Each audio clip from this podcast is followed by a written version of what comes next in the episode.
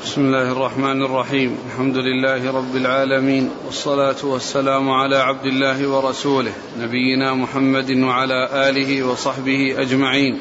أما بعد فيقول أمير المؤمنين في الحديث أبو عبد الله البخاري رحمه الله تعالى يقول في صحيحه باب تفاضل أهل الإيمان في الأعمال.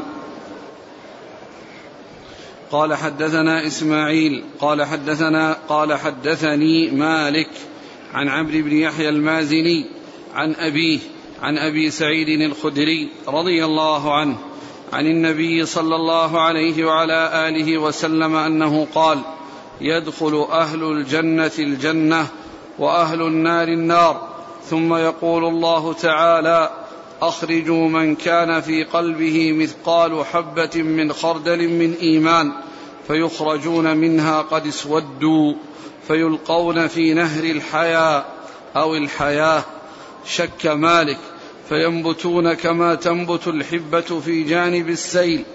ألم تر أنها تخرج صفراء ملتوية؟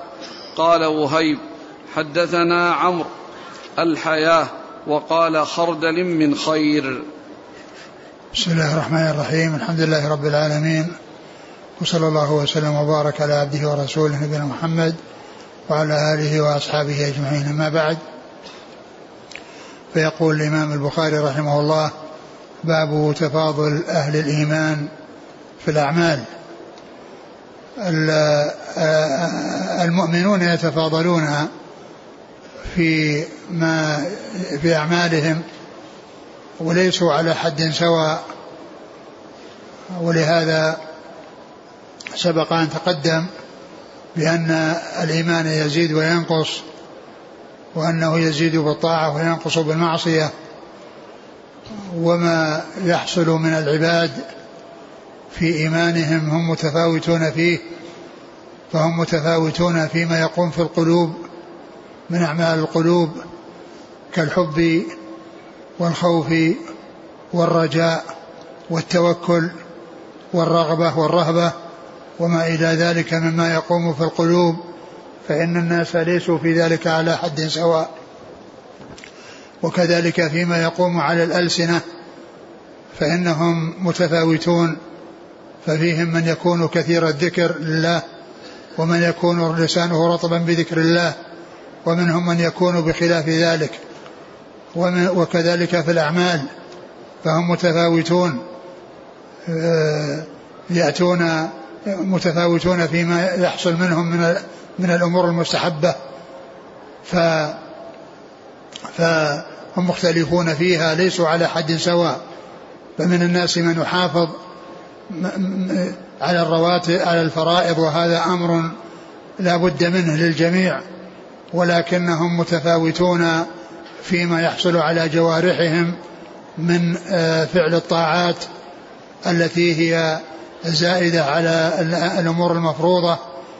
ومن المعلوم أن كل عمل يتقرب به الإنسان إلى ربه سبحانه وتعالى من الطاعات فإنه يزيد في إيمانه ويزيد في ثباته ويقينه.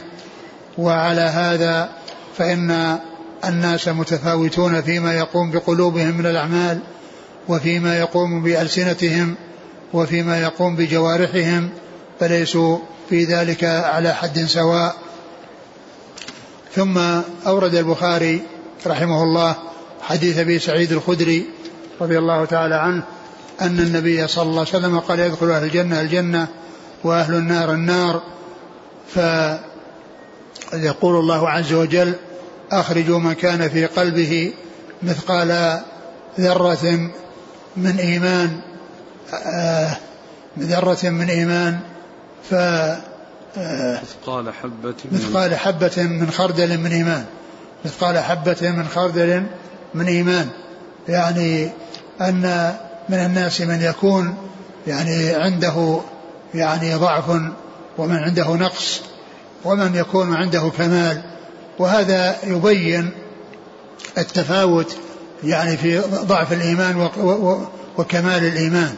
فإن من كان عنده مثقال حبة خردل ليس مثل من كان عنده ال ال ال الإيمان وعنده اليقين وعنده الأعمال الصالحة في قلبه وفي لسانه وفي جوارحه فالناس متفاوتون في ذلك.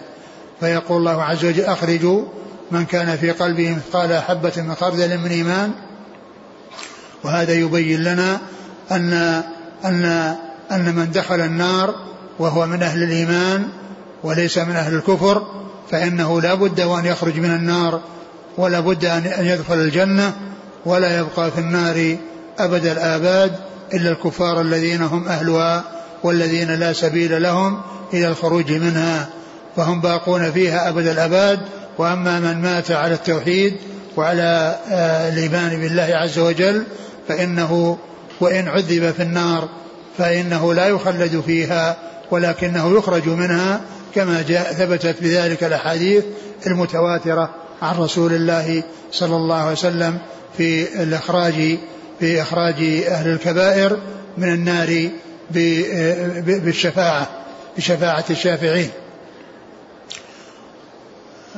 اقرأ الحديث قال يخرج يدخل أهل الجنة الجنة وأهل النار النار ثم, ثم يقول الله تعالى أخرجوا من كان في قلبه مثقال حبة من خردل من إيمان. نعم.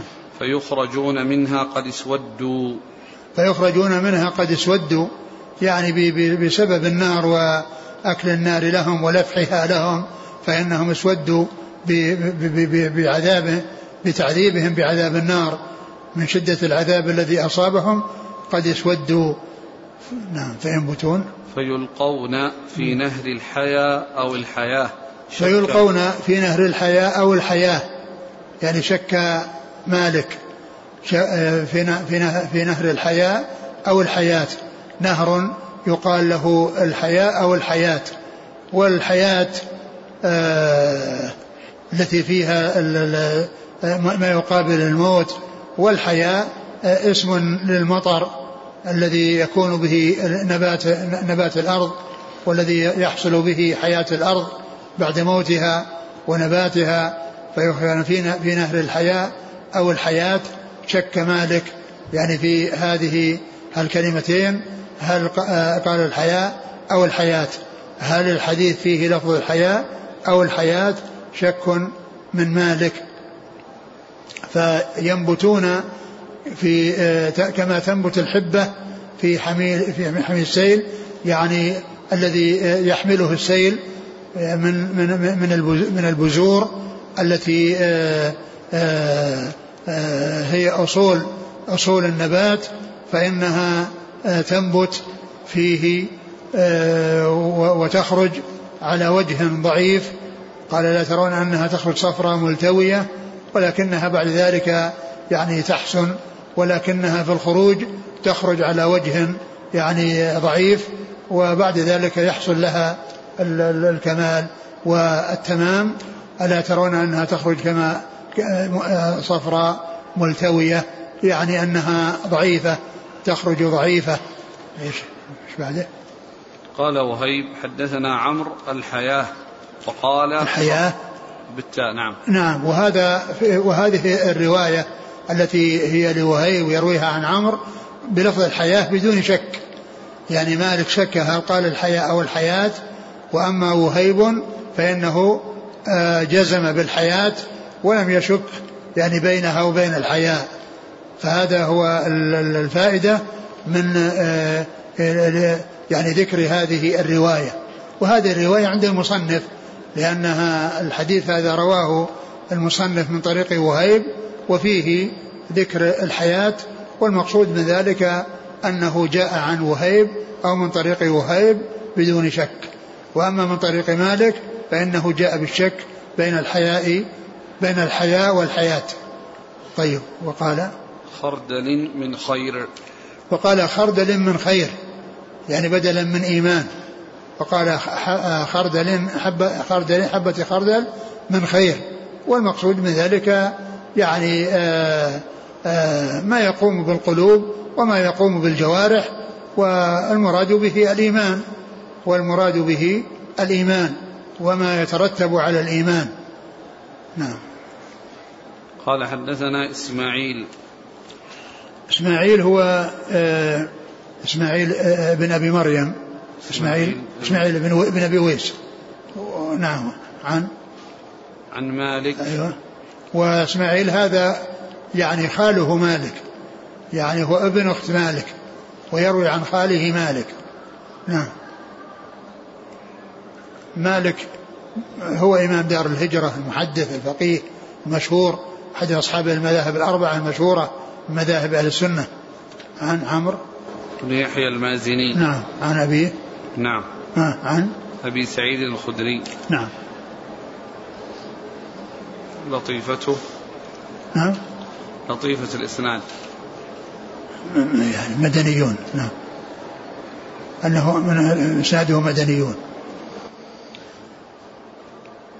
قال حدثنا محمد بن عبيد الله قال حدثنا إبراهيم بن سعد عن صالح عن ابن شهاب عن أبي أمامة بن سهل رضي الله عنه أنه سمع أبا سعيد الخدري رضي الله عنه يقول قال رسول الله صلى الله عليه وسلم بينا أنا نائم رأيت الناس يعرضون علي وعليهم قمص منها ما يبلغ الثدي ومنها ما دون ذلك وعرض علي عمر بن الخطاب رضي الله عنه وعليه قميص يجره قالوا فما أولت ذلك يا رسول الله؟ قال الدين.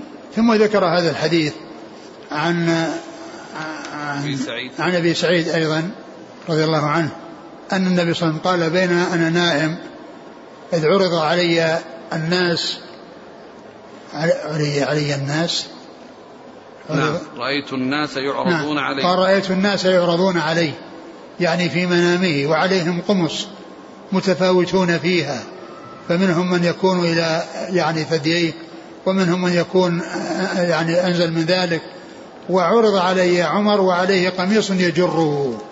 وعليه قميص يجره يعني إنه سابغ.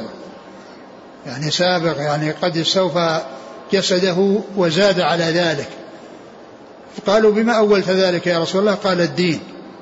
وهذا محل الشاهد أن الناس متفاوتون لأن منهم لأن عمر بهذا الوصف الذي عليه قميص يجره يعني سابغا وافيا وفيهم من قميصه يعني ليس بكامل على جسده وهم متفاوتون في ذلك. وهذا يعني المقصود من إراده في هذه الترجمة وهي تفاضل الناس في الإيمان في الأعمال. يعني وذلك أن عمر رضي الله عنه عليه قميص يجره وغيره آه، عليهم أقمصة يعني دون ذلك. فإذا الناس متفاوتون في الإيمان. الناس متفاوتون في الإيمان وليسوا فيه على حد سواء وهذا فيه فضيلة لعمر بن الخطاب رضي الله عنه وأن وأن هذا يعني وصف دينه و يعني وبيان ما كان عليه من القوة في الدين القوة في دين الله عز وجل وقوة الإيمان رضي الله تعالى عنه وأرضاه. ولا يعني ذلك أن يكون أفضل من أبي بكر لأن أبي بكر ما جاء ذكره ما جاء ذكره في هذا الحديث وما جاء ذكر أنه عرض في هذا الحديث وأنه آه، يختلف عن عمر وإنما جاء ذكر عمر ولم يذكر أبو بكر فإذا فضيلة أبو بكر ثابتة في يعني في في أحاديث أخرى وتقديمه على عمر وتفضيله على عمر ثابت في أحاديث أخرى.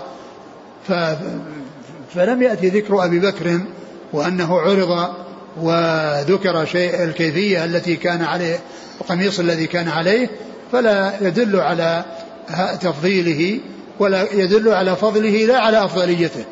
يدل على فضل عمر لكن لا يدل على أفضليته على أفضلية على أبي بكر لأنه ما جاء شيئا يدل على ذلك في حق أبي بكر بل جاءت الأدلة الأخرى دالة على تفضيله وعلى تقديمه على عمر وعلى غيره من الصحابة. فهو آه، خير هذه الأمة التي هي خير الأمم.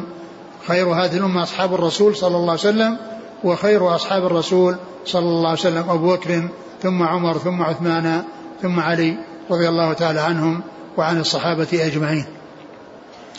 وهذا يعني فيه يعني ذكر الرؤيا وتأويلها. فإن النبي صلى الله عليه وسلم ذكر هذه الرؤيا التي قد حصلت له وذكر تأويلها وأن المراد بالقمص والتفاوت في هذا القمص إنما هو التفاوت في الإيمان. ثم أيضا يعني هذا يبين لنا أن ما جاء في هذا الحديث يعني آه، يختلف عما هو موجود في آه، في في في, في, في اللباس في يعني في في في, في يعني في, في, في اللباس يعني في اليقظة. فإنه لا يجوز أن أن تلبس القمص يعني نازلة عن الكعبين بل الواجب أن تكون يعني فوق الكعبين وألا تنزل عنها لأنه آه، جاء يعني ما يدل على تحريم ذلك وعلى منع ذلك ولكن ما يقوم ما يحصل في النوم يختلف عما يحصل في اليقظة يختلف عما يحصل في اليقظة. وأيضا يعني هذا هذا اللباس الذي هو القميص إنما هو مؤول بالإيمان ومن المعلوم أن الناس متفاوتون في الإيمان. وأما بالنسبة للباس المشروع فإنه لا يجوز أن ينزل عن الكعبين وإن هذه الرؤيا إنما فيها الإشارة إلى آه، تمثيل وبيان أن الناس متفاوتون في إيمانهم وعمر عليه قميص يجره يعني كونه سابغا كاملا وافيا يعني وفسر ذلك بالإيمان. وجاء أيضا فضيلة عمر رضي الله عنه في في في رؤيا أخرى يعني أيضا ثابتة وهي أن النبي صلى الله عليه وسلم قال رأيت في المنام أنني أتيت بقدح لبن فشربت منه حتى رويت وحتى رويت رأيت الري يعني يسري في أظفاري ثم بقي فضلة فناولتها عمر فشربها. قيل بما أولت ذلك يا رسول الله؟ قال العلم. قال بما أولت ذلك يا رسول الله؟ قال العلم. فهذه أيضا من مناقب عمر وفضائل عمر رضي الله عنه التي جاءت في رؤيا رآها رسول الله عليه الصلاة والسلام ومن المعلوم أن رؤيا الأنبياء وحي. نعم. فالحديث عن أبي سعيد فيه بيان هذه الرؤيا وأن الرسول صلى الله عليه وسلم عبرها وأن هذه القمص أنها هي الدين وهي ترمز عن الدين أو تمثيل بالدين وأن الناس ليس فيه على حد سواء بل هم متفاوتون في إيمانهم كما أنهم متفاوتون في هذه القمص التي عليهم والتي رآها النبي صلى الله عليه وسلم في المنام في حق هؤلاء الذين عرضوا عليه من الناس صلوات الله وسلامه وبركاته عليه. نعم. قال حدثنا محمد بن عبيد الله نعم. عن إبراهيم بن سعد نعم. عن صالح عن ابن شهاب نعم. صالح بن كيسان نعم. عن, عن أبي أمامة بن سهل. أبو أمامة بن سهل بن حنيف هذا يعني آه، قيل له رؤية فهو ملحق فهو يعني آه، ملحق بالصحابة في شرف الرؤية ولكنه من حيث الرواية آه، يعني روايته كلها يعني مرسلة وليس لأنه لم يسمع من النبي صلى الله عليه وسلم وإنما هو صغير ولكنه من حيث الرؤية معدود في الصحابة ولكن من حيث الرواية ليس يعني معدودا في الصحابة من ناحية أنه لم يسمع من النبي صلى الله عليه وسلم شيئا. نعم. عن أبي سعيد الخدري. نعم. أبو سعيد رضي الله عنه هو أحد السبعة المعروفين بكثرة الحديث عن النبي صلى الله عليه وسلم والذين زادت أحاديثهم على ألف حديث. قال لطيفته كسابقه. مدنيون. مدنيون. قال فيه رواية التابع عن التابع أو يعني آه هو في قال فيه ثلاثة من التابعين وإذا اعتبر يعني ومع الاعتبار أن أبا أمامة أنه معدوم في الصحابة بسبب الرؤية يكون آه رواية تابعي عن تابعي وصحابي عن صحابي. من هو من هم الرواة؟ صالح بن كيسان عن؟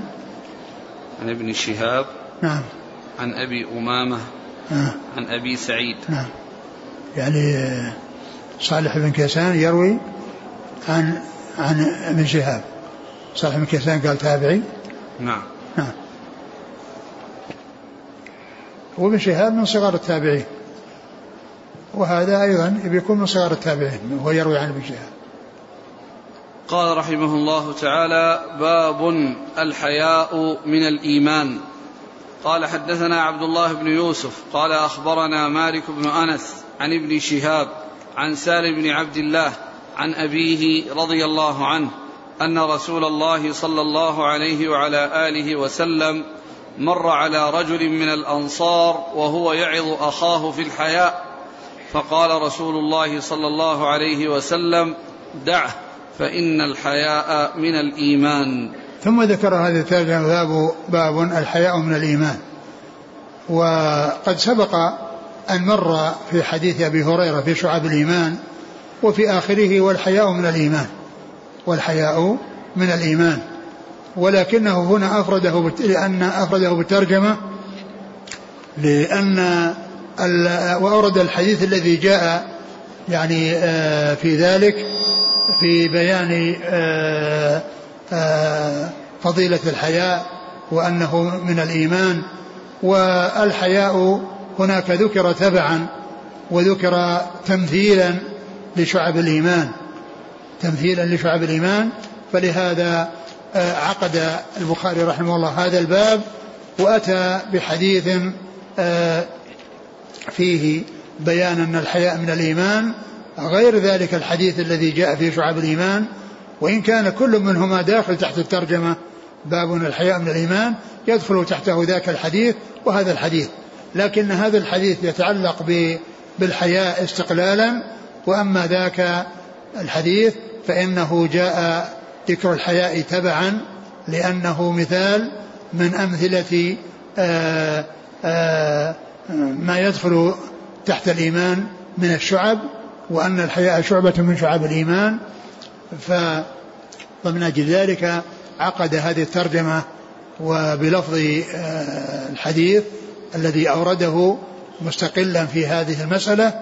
وهو دال على فضيلة الحياء وأنه خصلة من الخصال الحميدة التي يحمد عليها صاحبها. وقد أورد هذا الحديث آه، أن رجل أن النبي صلى الله عليه وسلم رأى رجلا يعظ أخاه في الحياء يعني يعاتبه في الحياء وأنه يعني لا يستوفي حقه بسبب الحياء. فالنبي صلى الله عليه وسلم قال دعه فإن الحياء من الإيمان.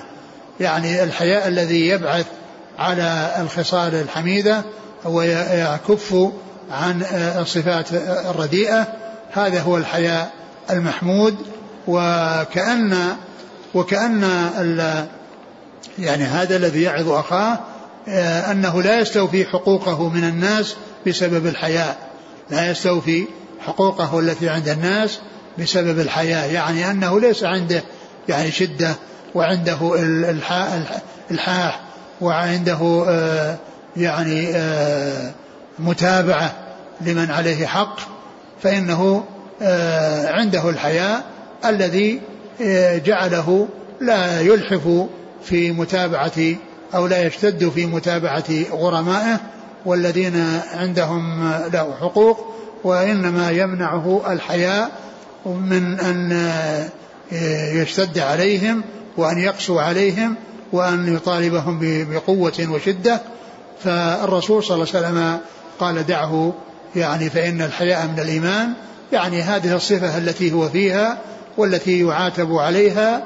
لا ينبغي أن يعاتب على مثلها لأن من لا يستوفي حقوقه ويسامح الناس أو يمهل الناس يعني ممن يكون عليه له عليه حق هذه من الخصال الحميدة ومن الصفات الطيبة.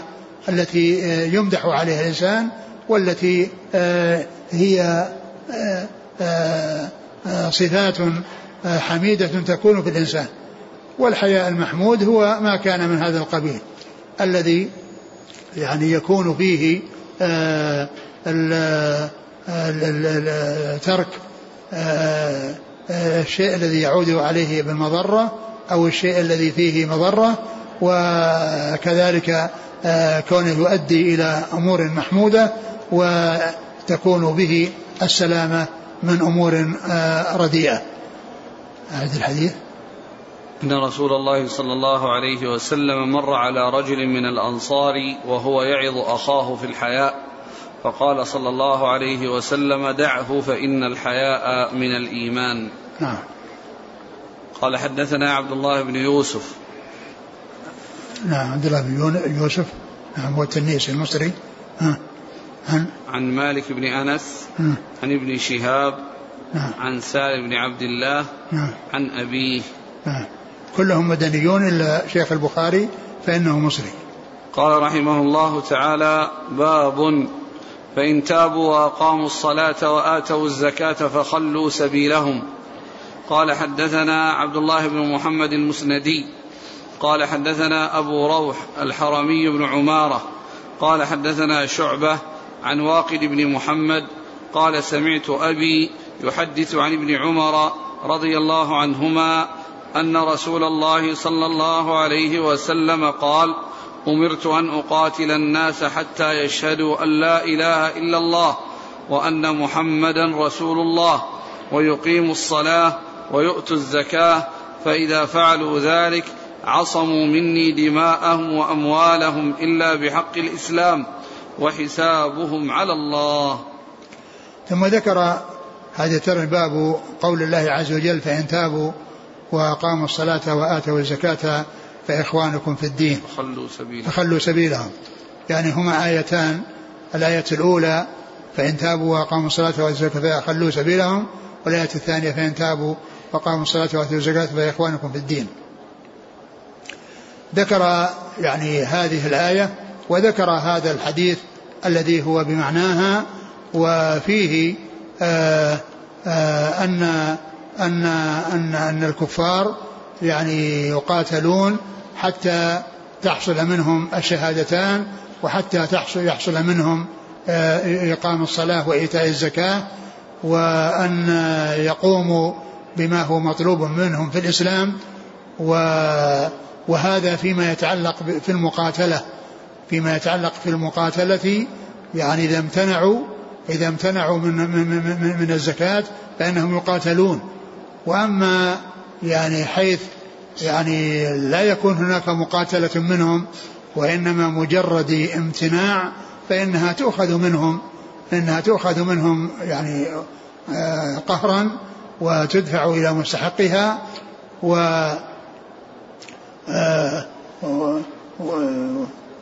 وأما يعني إذا إذا حصل الامتناع امتنعوا ناس عن أدائها وقاتلوا ونصبوا القتال وأنهم من أراد منهم ذلك يقاتلونه ويمتنعون من ذلك بالقتال فإنهم يقاتلون.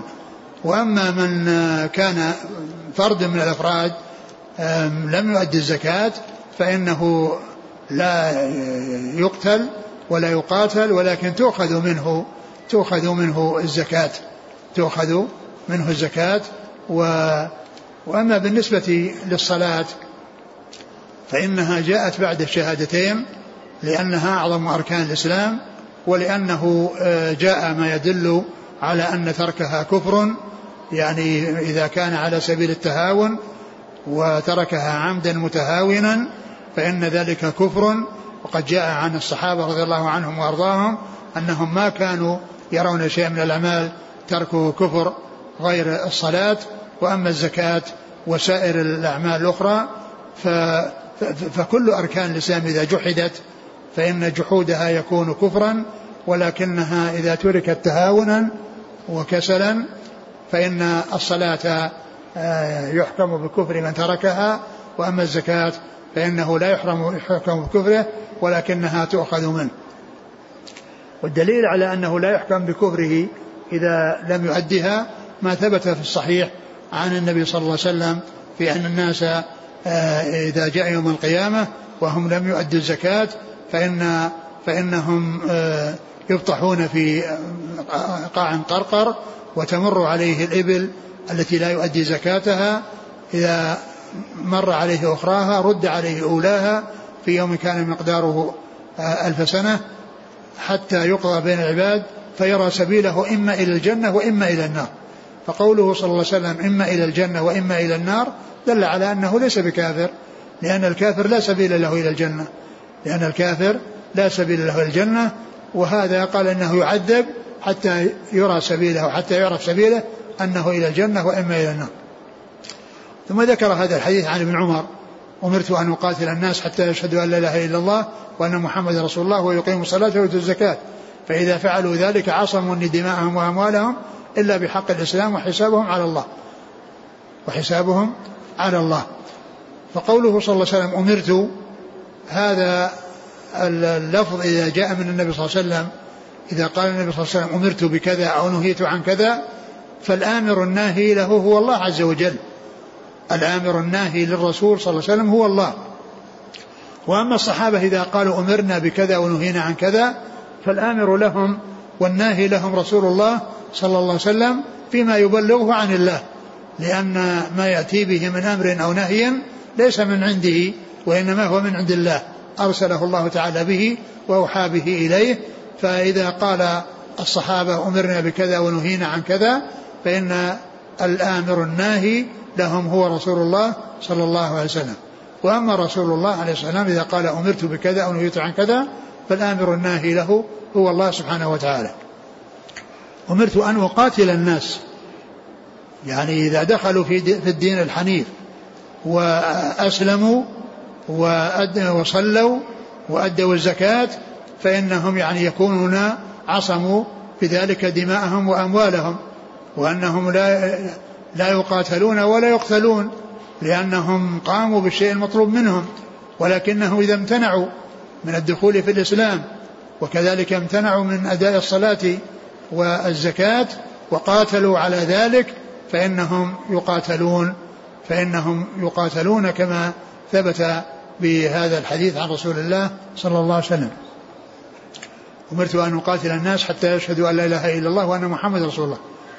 فبدأ بالشهادتين لأنها هي الأساس ولأن الدخول في الإسلام إنما يكون بهاتين الشهادتين شهادة أن لا إله إلا الله وأن محمد رسول الله.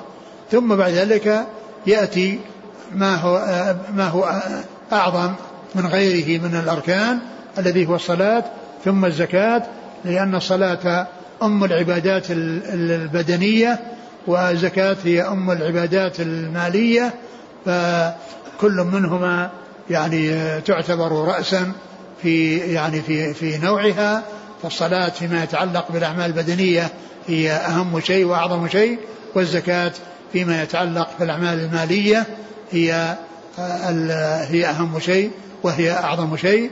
فذكر يعني يعني هذا يعني هذين الأمرين اللذين هما الصلاة والزكاة مع مع شهادة أن لا إله إلا الله وأن محمد رسول الله صلوات الله وسلامه وبركاته عليه أمرت أن أقاتل الناس حتى يشهدوا أن لا إله إلا الله وأن محمد رسول الله ويقيموا الصلاة ويؤتوا الزكاة. يقيموا الصلاة يعني يؤدونها ويحافظون عليها ويكملونها ويأتون بها على الوجه المشروع ويؤتون الزكاة التي أوجب الله عليهم في أموالهم على الوجه الذي جاء بيانه في في في في, في سنة الرسول صلى الله عليه وسلم من التفاصيل الذي جاء فيها مقدار الزكاة في الأموال التي تكون فيها الزكاة. ف وقد جاءت الشريعة فيما يتعلق بالخارج من الأرض والنصاب فيه والواجب فيه وكذلك جاءت فيما يتعلق بماشي الماشية جاء في الماشية ومن إبل وبقر وغنم وكذلك فيما يتعلق بالنقود الذهب والفضة وكذلك يعني ما يتعلق بما يقوم مقامهما من عروض التجارة والتي تقوم وتخرج الزكاة فيها كما تخرج في زكاة النقود. آه، الواجب في هذا وفي هذا ربع العشر فهو شيء فالزكاة شيء قليل فرضه الله عز وجل في أموال الأغنياء وقد أعطاهم الله المال الكثير ففرض في أموالهم الشيء اليسير وهذا المال اليسير لا يضرهم إخراجه ولكنه يفيد الغني الفقير وصوله إليه. فهو شيء قليل يفيد الفقير ولا يفيد, يفيد الفقير إذا وصل إليه ولا يضر الغني إذا أخرج من ماله لأنه شيء يسير من مال كثير الذي هو ربع العشر سهم من أربعين سهما وجزء من أربعين جزءا فهو يعني آه، آه، شيء يسير. يعني آه، يفيد يفيد غيره ولا يضره. يفيد غيره ولا يضره. فإذا فعلوا ذلك يعني أنهم حصل منهم يعني هذه الأمور فإنهم يعصمون دماءهم وأموالهم يعني يسلمون على أنفسهم من القتل ويسلمون على أموالهم من أن تؤخذ منهم وإنما آه، قال إلا بحق الإسلام يعني في في الأمور الأخرى التي لا بد منها والتي آه، يطلبها الإسلام والتي جاءت في الإسلام فإن آه، فإن عليهم أن يؤدوا وأن يقوموا بما يجب عليهم غير هذه الأمور. ثم إن هذا الحديث آه، ذكر الحافظ بن حجر أنه آه، من الأحاديث الغريبة في الصحيح في الصحيح وأنه آه، لم يأتي إلا من من من طريق واحد بل قال إن مسند الإمام أحمد على سعته خلا منه خلا منه مع سعته وكثرة أحاديثه يعني فهو حديث غريب في يعني في هنا وقد خلا منه مسند الإمام أحمد. وهذا فيما يتعلق بحديث ابن عمر. وإلا فإنه موجود في مسند الإمام أحمد من حديث أبي هريرة. ومن المعلوم أن الحديث يعتبر بالصحابي. الأحاديث عندما يعدونها يعدونها باعتبار الصحابي. فإذا جاء الحديث عن ابن عمر وجاء عن أبي هريرة فهما حديثان. ولا يقال إنهما مكرران. وإنما التكرار بالنسبة لحديث الصحابي الواحد. ولهذا يعني الحديث عند البخاري من رواية الصحابي الواحد له أطراف متعددة يعني قليلة وكثيرة. قد تكون طرفين وقد يكون ليس له أطراف وقد تكون أطراف كثيرة تزيد إلى عشرة أطراف وهذا باعتبار الصحابي الواحد وليس باعتبار تعدد الصحابة لأن كل صحابي باعتباره يكون يعني الحديث مضافا إليه آه ولا يقال ان ان يعني ان أنه باعتبار الصحابيين أو الصحاب إذا جاء عنهم يكون حديثا مكررا وإنما التكرار إنما هو باعتبار الصحابي لا باعتبار تعدد الصحابة فإن كل صحابي آه، يذكرون اطراف حديثه ولو كان متفقا مع غيره من الصحابة في رواية ذلك الحديث فهو إنما يكون باعتبار الصحابي الواحد يكون الحديث مكررا. ولهذا قال قد خلا منه مسند الإمام أحمد على سعته يعني من حديث ابن عمر. وإلا فإن حديث أبي هريرة موجود في مسند الإمام أحمد. حديث أبي هريرة أمرت أن أقاتل الناس موجود في مسند الإمام أحمد. نعم.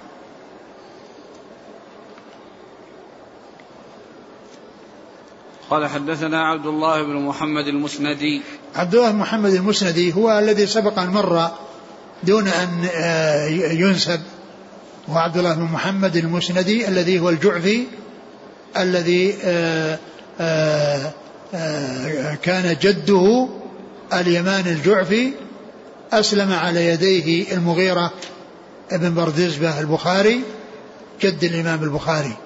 فهذا شيخه وهو أيضا من أهل ولائه الذين هم الجعفيون ويقال له المسندي لأنه كان يحرص على المسندات ولا يحرص على المراسيل وإنما يعنى بالمسندات حتى لقب بالمسندي نعم. قال حدثنا وقد سبق أن مر بنا أن البخاري روى عنه وروى عنه أيضا معه الترمذي يعني من طريقه. نعم. من طريق البخاري الترمذي روى عن طريق عن البخاري عن عبد الله محمد. هذا المسندي قال حدثنا أبو روح الحرمي بن عمارة. أبو روح الحرمي بن عمارة. الحرمي هذا اسم يعني ليس نسبة وليس نسبة للحرم وإنما هو يعني اسم على يعني آه على صيغة النسبة أو على صيغة النسبة. مثل مكي بن إبراهيم. يقال له مكي ويقال المكي. وهنا يقال الحرمي ويقال حرمي. وليس يعني يعني منسوبا للحرم ولا منسوبا إلى مكة وإنما هذا اسمه. ولهذا يقال المكي بن إبراهيم ويقال مكي بن إبراهيم ويقال الحرمي بن, بن, بن عمارة. ضبطه بضم العين. بن عمارة الحرمي بن عمارة و وحرمي بن عمارة يقال هكذا وهكذا. ويقال ابن أبي نابتة. نعم. الحرمي بن عمارة بن أبي ابن أبي آه، لا نابت ابن أبي حفصة. بقية اسمه كذا. قال حرمي بن بن عمارة بن أبي حفصة. نابت. واسم أبي حفصة نابت. نابت نعم. نابت يعني هذا آه، اسم جده اسم جده آه، أبي حفصة. الحرمي بن عمارة ابن ابن أبي حفصة. نعم. إيه نابت. اسمه نابت. ولهذا يتصحف أحيانا بثابت. لأن كلمة نابت كلمة غريبة مي معروفة مي مشهورة. ولهذا يعني يأتي يعني ثابت بدل نابت. يعني خطأ. لأن أصحاب المطابع وأصحاب ال... هذا يعني اللي جاري عندهم وكثير الاستعمال ثابت. ولهذا يقال عن ثابت الجادة. يعني كالجادة. ونابت هذا على خلاف الجادة. مثل أحمد وأجمد. أحمد على الجادة. كثير يسمون أحمد. لكن أجمد بالجيم هذا يعني نادر. فهذا نابت وثابت. ويقال لما كان كثير الاستعمال الجادة أو يوصف كالجادة. ولهذا يعني ذكر في في الحاشية على فتح الباري على كلمة الجادة كذا. ولعل الذي كتبها أنه ما يعني يعني عرف أو فهم الجادة. لا أدري هل لعلها من من من الطابع الذي طبع الذي طبع اللي هو محب الدين الخطيب رحمه الله. يعني قال كذا. يعني معناه إنه غير واضح. ومعلوم ان الجادة المقصود بهذا ان انه الشيء الذي مسلوك مثل ما هو ثابت هو الجادة. ولهذا الحافظ ابن حجر في تفسير المنتبه تحرير المشتبه عندما يذكر كذا يقول يعني كذا الجادة أو كالجادة. يعني ثم يذكر بعد ذلك الاسم الذي على خلاف الجادة والذي استعماله قليل. نعم. عن شعبة آه نعم. عن. واقد بن محمد. نعم. عن أبيه. نعم. عن ابن عمر. نعم. واقد بن محمد يعني آه ابن زيد ابن عبد الله بن عمر فهو يعني يروي رواية أب عن أبيه ورواية حفيد عن جده. عكس آه أبو بريد بن عبد الله بن أبي بردة عن أبي بردة عن أبي موسى. لأن أبو بردة بريد بن عبد الله بن بردة يروي عن جده أبو بردة وأبو بردة يروي عن جده عن أبيه أبي موسى وهذا عكسه لأن لأن آه، واقد يروي عن أبيه محمد ومحمد يروي عن جده عبد, عبد الله بن عمر نعم. قال رحمه الله تعالى باب من قال إن الإيمان هو العمل. لقول الله تعالى وتلك الجنة التي أورثتموها بما كنتم تعملون. وقال عدة من أهل العلم في قوله تعالى فوربك لنسألنهم أجمعين عما كانوا يعملون. عن قول لا إله إلا الله لمثل هذا فليعمل العاملون. قال حدثنا أحمد بن يونس وموسى بن إسماعيل. قال حدثنا إبراهيم بن سعد. قال حدثنا ابن شهاب عن سعيد بن المسيب عن أبي هريرة رضي الله عنه أن رسول الله صلى الله عليه وسلم سئل أي العمل أفضل؟ فقال إيمان بالله ورسوله. قيل ثم ماذا؟ قال الجهاد في سبيل الله. قيل ثم ماذا؟ قال حج مبرور. ثم ذكر هذا باب من قال إن الإيمان هو العمل. أن الإيمان هو العمل. أهل السنة والجماعة يقولون أن الإيمان يعني اعتقاد وقول وعمل. ويعني يقولون عن العمل أنه يأتي على الأركان الثلاثة. يعني ففيه التصديق الذي يقوم بالقلب وفيه العمل الذي يقوم بالقلب. لأن العمل الذي يقوم بالقلب مثل الرغبة والرهبة والحب والبغض والإنابة والتوكل كل هذه من أعمال القلوب.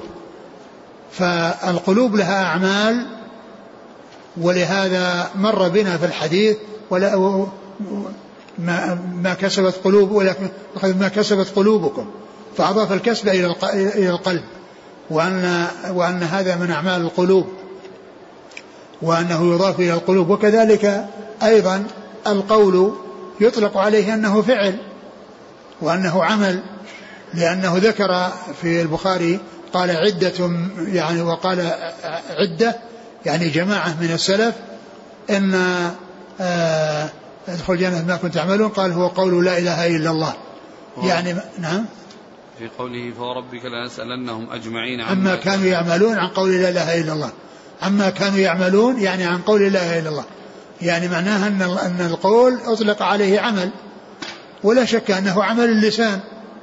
ولا شك أنه عمل اللسان. وكذلك أيضا على عمل الجوارح. فإذا العمل يكون على القلب وعلى اللسان وعلى الجوارح. فالقول عمل اللسان والأفعال عمل الجوارح وما يقوم في القلوب من الرغبة والرهبة والحب والبغض والتوكل وغير ذلك هو من أعمال القلوب. هو من أعمال القلوب. والناس يتفاوتون فيما يقوم في قلوبهم وفيما يقوم على ألسنتهم وفيما يقوم بجوارحهم.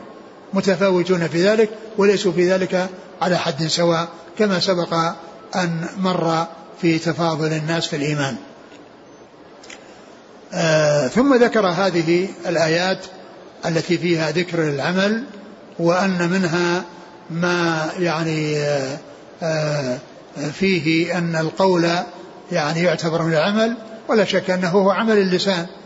ويعني عندما يعني يأتي في نصوص آه، ادخل الجنة بما كنتم تعملون يعني يدخل في ذلك ما يجري على ما يحصل على اللسان وما يحصل على الجوارح. يعني ما يحصل على اللسان من ذكر الله. ومن التسبيح والتهليل والاستغفار لا شك أن هذا من اعمال من من أعمال العباد التي يؤجرون عليها والتي الناس يتفاوتون فيها بما يقوم بألسنتهم. ف فإذا العمل آه هو المجال التنافس. العمل هو المجال الذي يكون فيه التنافس بين الناس. ولهذا قالوا يزيد الإيمان يزيد بالطاعة وينقص بالمعصية. يزيد بالطاعة يعني سواء كانت هذه الطاعة يعني يعني قائمة بالقلب من الحب والحب في الله والبغض في الله والرغبة والرهبة والتوكل أو قائمة باللسان من ذكر الله كما جاء في الحديث. يعني الذي طلب أن يوصيه قال لا يزال لسانك رطبا من ذكر الله أو كان يتعلق بالأعمال. ثم ساق حديث ابن مسعود ثم ساق حديث, حديث أبي هريرة. حديث أبي هريرة. أن النبي صلى الله عليه وسلم سئل قال أي؟ أي العمل أفضل؟ أي العمل أفضل؟ قال إيمان بالله ورسوله. فجعل الإيمان بالرسول بالله ورسوله من الأعمال. قال أي العمل أفضل؟ قال إيمان بالله ورسوله. لأن الإيمان بالله ورسوله هو الأساس. وفيه ما يتعلق بالقلب من استقرار في القلب وكذلك من التلفظ باللسان. بأن يشهد أن لا إله إلا الله وأن محمد رسول الله. أن يشهد أن لا إله إلا الله وأن محمد رسول الله. أو يعني آه، يتلفظ فيقول آمنت بالله ورسله. فقال إيمان بالله ورسوله. لأن الإيمان بالله ورسوله هو الأساس. هو الأساس الذي يبنى عليه غيره. قيل ثم ماذا؟ قال الجهاد في سبيل الله. قال الجهاد في سبيل الله لأن فيه إظهار هذا الدين وإعلاء هذا الدين وإدخال الناس في دين الله وإخراجهم من الظلمات إلى النور.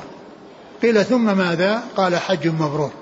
الحج المبرور هو الذي يكون آه، أتي به وفقا لما جاء عن الرسول الكريم صلى الله عليه وسلم ويكون خالي خاليا من الرياء وخاليا من السمعة وخاليا أيضا من الأمور المحرمة التي التي تنقصه ولا ولا يكون بها مبرورا. فالحج المبرور الذي ينفع صاحبه عند الله عز وجل والذي أتي به وفقا للسنة والذي آه، سلم فيه من آه، الأمور التي آه، تنقص بره أو لا تجعله مبرورا كما جاء في القرآن.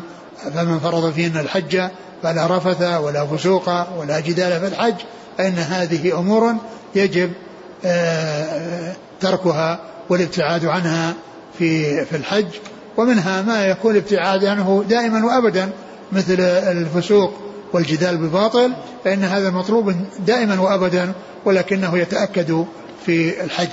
وأما بالنسبة للرفث ما يتعلق به فإنه ما يتعلق بالنساء فإنه يمنع في حال الإحرام يمنع في حال الإحرام و وأما فيما يتعلق بالفسوق والجدال بالباطل فإن هذا يكون في جميع الأحوال في الإحرام وغير الإحرام. إذا الحج المبرور هو الذي جاء يعني بعد ذكر الإيمان بالله ورسوله وبعد الجهاد في سبيل الله عز وجل ووصف بأنه مبرور وعلامة الحج المبرور هو أن يكون الإنسان بعد حجه أحسن منه قبل حجه. فإذا كان على حالة حسنة قبل الحج ثم كان على حالة أحسن فهذه علامة بر الحج. وكذلك إذا كان على حالة سيئة ثم صار بعد الحج على حالة حسنة هذه علامة بر الحج. وفي هذا الحديث بيان ما كان عليه أصحاب الرسول صلى الله عليه وسلم من آه، الأعمال من تفاضل الأعمال وذلك ليحرصوا على الاتيان بها على حسب مراتبها وعلى حسب آه، آه، ما ورد فيها من التفاوت وتقييم بعضها على بعض وتفضيل بعضها على بعض فقد كانوا يحرصون على ذلك ويسألون النبي صلى الله عليه وسلم ليأتوا بالأعمال آه، الفاضلة وفقا لوجود النص في فضلها وتقديم بعضها على بعض. نعم. لكن تتعدد الأجوبة. نعم. تتعدد أجوبته صلى الله عليه وسلم. نعم. تتعدد الأجوبة باعتبار يعني المناسبات وأن يعني ويجمع بينها بأن يقال أن هذه من تقدر فيها من أنها من من خير الأعمال. كلها تدخل بأنها من خير الأعمال. يعني الذي جاء في هذا الحديث والذي جاء في غيره يعني يقال أن الكل آه، يشترك في هذا المقدار الذي هو بأن يقال هذا من خير الأعمال. قال حدثنا أحمد بن يونس. أحمد بن يونس هذا هو المصري أحمد بن عبد الله. أحمد. أحمد بن عبد الله هو كوفي. كوفي. أحمد عبد الله الكوفي وهذا هو الذي وصفه الإمام أحمد بأنه شيخ الإسلام. وصفه الإمام أحمد فقال شيخ الإسلام. نعم. وموسى بن إسماعيل. نعم هو التبوذكي سبق. عن إبراهيم بن سعد. نعم. عن ابن شهاب نعم. عن سعيد بن المسيب نعم. عن أبي هريرة. سعيد بن المسيب هو أحد فقهاء المدينة السبعة وأبو هريرة أحد السبعة المكثرين من حديث رسول الله صلى الله عليه وسلم. هنا قال سئل صلى الله عليه وسلم أي العمل أفضل؟ سائل. ما لا نعم. الحافظ هو أبو ذر نعم. نعم أبو ذر نعم. قال وحديثه في العتق. نعم. قال رحمه الله تعالى باب إذا لم يكن الإسلام على الحقيقة. والله تعالى أعلم وصلى الله وسلم وبارك على عبده ورسوله نبينا محمد وعلى آله وأصحابه أجمعين. جزاكم الله خيرا وبارك الله فيكم. ألهمكم الله الصواب ووفقكم للحق. ونفعنا الله ما سمعنا وغفر الله لنا ولكم وللمسلمين أجمعين. آمين. التبويب قال قبل ذلك باب فإن تابوا وأقاموا الصلاة وآتوا الزكاة فخلوا سبيلهم. يقول زكريا الأنصاري لا تختص المقاتلة بترك الصلاة والزكاة. بل سائر العبادات كذلك فالاقتصار عليهما تعظيما لشأنهما أو لأن العبادة بدنية فمثل بالصلاة أو مالية فمثل بالزكاة. ما رأيكم؟ هو كلام صحيح لأنه يعني إذا امتنع أناس يعني عن أن يصوموا فيقاتلون.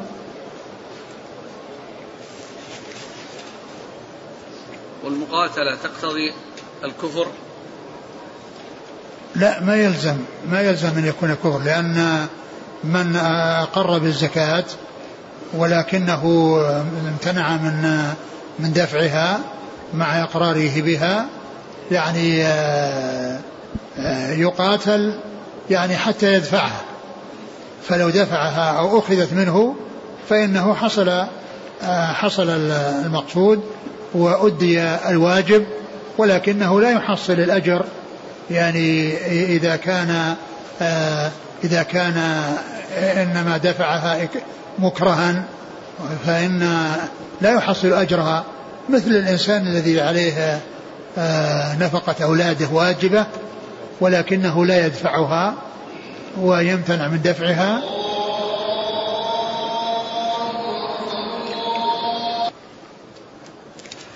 مثل الرجل الذي يعني يمتنع من الإنفاق على آه، أولاده ويلزمه القاضي أو يحكم القاضي عليه بذلك فيخرجها كارها من أجل حكم القاضي فإنه يكون سقط الواجب عنه لكنه لا يحصل أجرا لأنه ما نواه وما نوى الخير وما نوى أداء هذا الواجب حتى يؤجر عليه.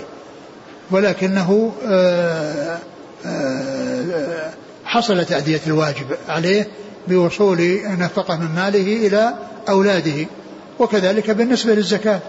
فإذا أخذت منه حصل المقصود ولكنه لا يحصل أجرا عليها.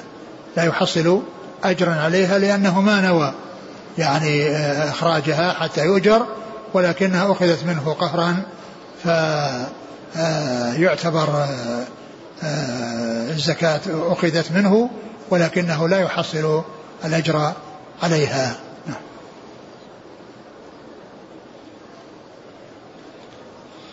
يقول كيف يكون حديث ابن عمر أمرت أن أقاتل الناس غريبا وقد جاء من طريق آخر حديث أبي هريرة ألا يكون عزيزا؟ هو كما هو معلوم الحديث هو باعتبار الصحابي.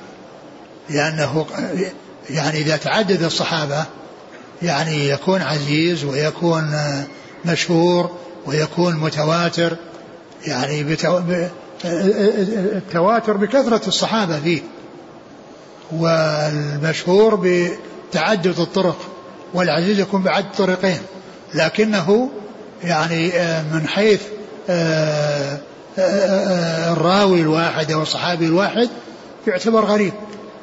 يعتبر غريبا من حديث ذلك الصحابي. أما يعني كونه يعني يأتي الحديث من طرق من طرق أخرى يعني يمكن يكون عزيز ويمكن أن يكون مشهور ويمكن أن يكون متواتر. يقول هل تؤخذ الجزية من أهل الأوثان الذين ليس عندهم كتاب ولا شبهة كتاب؟ لا ما تؤخذ الجزية منهم. تؤخذ من من أهل الكتاب. وهل تؤخذ الزكاة من المسلم الجديد مباشرة أم حتى ينتظر به عاما كاملا؟ آه، معلوم أن آه، أن أن الزكاة إنما تجب يعني آه، عند حولان الحول. ومعلوم أن الإنسان إذا كان أنها أسلم وكان الثمرة موجودة على رؤوس النخل فإنه يجب عليه إخراجها. ما يقال لأنه كونها ظهورها واستمرارها كان في حال كفره وأنه لم يوجد في حال إسلامه إلا وجود الثمرة فإنه يجب عليه إخراج الثمرة. نحن دائما نسمع منكم الكفار مخاطبون بفروع الشريعة. هذا مخاطب فرع الشريعة من قبل. نعم. ما أسلم؟ هم مخاطبون بفروع الشريعة. مخاطبون بفروع الشريعة هو يعني يعني يثابون يعني عليها بعد وجود أصولها بعد وجود الأصول التي هي أصل التوحيد. فهم مخاطبون فيها تبعا للفروع. وعلى هذا على هذه القاعدة على هذه القاعدة نعم تؤخذ منهم الزكاة. لكن كما قلت يعني هذا الذي آه هذا الذي أسلم والثمرة موجودة فإنها تؤخذ منه الزكاة. تؤخذ منه الزكاة لأن لأن هذا حق يعني في ماله وهو مسلم. وكذلك أيضا لو كان أنه يعني آه، آآ آه، مال نقود أو ما إلى ذلك على هذه القاعدة فإنها تؤخذ منهم. الحافظ بن حجر في الفتح. نقل معنى الراغب الأصبهاني أو قبله يقول وقلما يكون الشجاع مستحيا. مستحيا. مستحيا. إيه يعني قصده إن إنه يعني إن الشجاع يعني عنده جرأة وعنده يعني يعني قدرة على كونه يعني يأخذ حقه بخلاف الإنسان الذي عنده حياء ويستحي من الناس وإذا يعني طلب منهم يعني حقه وليس عندهم شيء آه، يعني يستحي أن يطالبهم ف آه، يعني وكذلك أيضا يمهلهم. لكن يقصد بذلك أن الشجاع قل أن يكون لأنها يكون عنده جرأة. يعني هذا هو السبب. هل هناك حياء مذموم؟ نعم الحياء اللي هو الخجل. الخجل الذي يعني يكون في الإنسان ويكون فيه يعني الرجل يعني يشبه المرأة يعني في في الخجل وفي يعني هذا شك انه مذموم. يقول هل الخلاف مع مرجئة الفقهاء خلاف حقيقي أم لفظي؟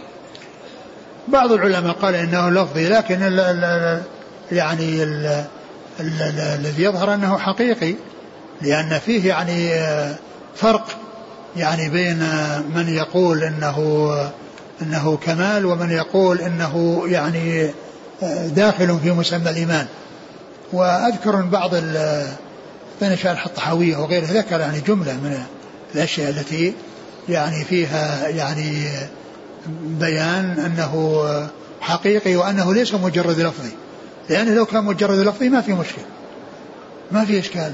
اللفظي يعني لا إشكال فيه ولا يذم فيه وإنما الذي يذم فيه هو كون الخلاف حقيقي. فيه ذكر من شارح الطحاوية يعني أشياء ما أذكرها يعني تبين أن الخلاف أنه ليس لفظيا وإنما هو حقيقي وأذكر منها أنه, أنه يجر أو أنه يؤدي إلى إلى الإرجاء الإرجاء الإرجاء المرجئة الذين يعني آه، يقولون لا يضر مع الإيمان ذنب كما لا ينفع مع الكفر طاعة أنه يجر إليه أو أنه وسيلة إليه. ودفي ذكر أشياء أخرى ما أذكرها الآن. الحديث أخرجوا من كان في قلبه مثقال حبة حبة خير أو من خردل من إيمان. هل يفيد أن العاصي كثير الذنوب ومن يترك بعض الفرائض والأركان مع أنه يؤمن بالله ويعلم أن الشريعة حق ولا يجحد شيئا من أصول الإيمان؟ فهل هذا يدخل الجنة ويخرج من النار بالشفاعة؟ من كان عنده يعني إيمان و وعنده شيء من المعاصي ولم يحكم بكفره من لم يحكم بكفره فهو مؤمن فهو مسلم. أقول من لم يحكم إذا كان لم يحكم بكفره فهو مسلم وإذا حكم بكفره فليس مسلم وهو من أهل النار. أكثر الأسئلة في قضية حبة خرج من الإيمان والقول بكفر تارك الصلاة. يقول هذا الرجل عنده إيمان. لكنه ما يصلي. لكن جاء يعني جاء يعني ما يدل على أنه أنه كافر بتركه للصلاة وأنه بذلك خرج من الإيمان. قوله ينبتون كما تنبت الحبة في جانب السيل. هل معناه أن الله يخلقهم مرة أخرى؟ آه، معلوم أن أن الخلق إنما هو الخلق الأول ولكنهم يعني يعني آه، آه، نفس الجسد الذي يعني حصل اسود وحصل تغير انه يعني يعني يظهر ويعود يعني كما كان. لا انه يعني يوجد آه، خلق غير الخلق الأول وأنه يدخل الجنة يدخل الجنة يعني جسم غير الجسم الذي كان في الدنيا لأن الأجر إنما يكون للجسد الذي أحسن والعذاب للجسد الذي الجسد الذي أساء. فيعني ينبتون لكن لا يعني ذلك أن هذا خلق جديد ما له علاقة بالخلق الأول الذي كان عليه في الدنيا. لأن الخلق الأول الذي كان في الدنيا هذا هو الذي عليه الثواب والعقاب. لأن حصل من الإساءة والإحسان. فيكون الثواب والعقاب لهذا الجسد الذي أحسن وأساء. وهو ينعم في الجنة لذلك الجسد الذي كان في الدنيا قد أحسن. ولكنهم يعني يعني يخلقون على هذه الهيئة بأن يكون ذلك الجسم الذي دخل النار واسود فيها يعني آه، يزول هذا الأثر الذي حصل بسبب النار والذي هو سداده فيرجع الجسد كما كان. هل يشترط في كون الشيء ناقضا من نواقض الإيمان أن يكون هذا الأمر مجمع عليه بين العلماء؟ لا. ليس. ليس ذلك. ترك الصلاة كما هو معلوم ليس محل إجماع. ترك الصلاة ليس إجماع فيه كلام ولكن الأدلة واضحة فيه. يعني لا من ناحية الدليل ولا من ناحية ما نقل عن الصحابة. حديث النبي صلى الله عليه وسلم في عمر لو سلك واديا لسلك الشيطان فجا غير فجه. هل فيه دليل على عصمة؟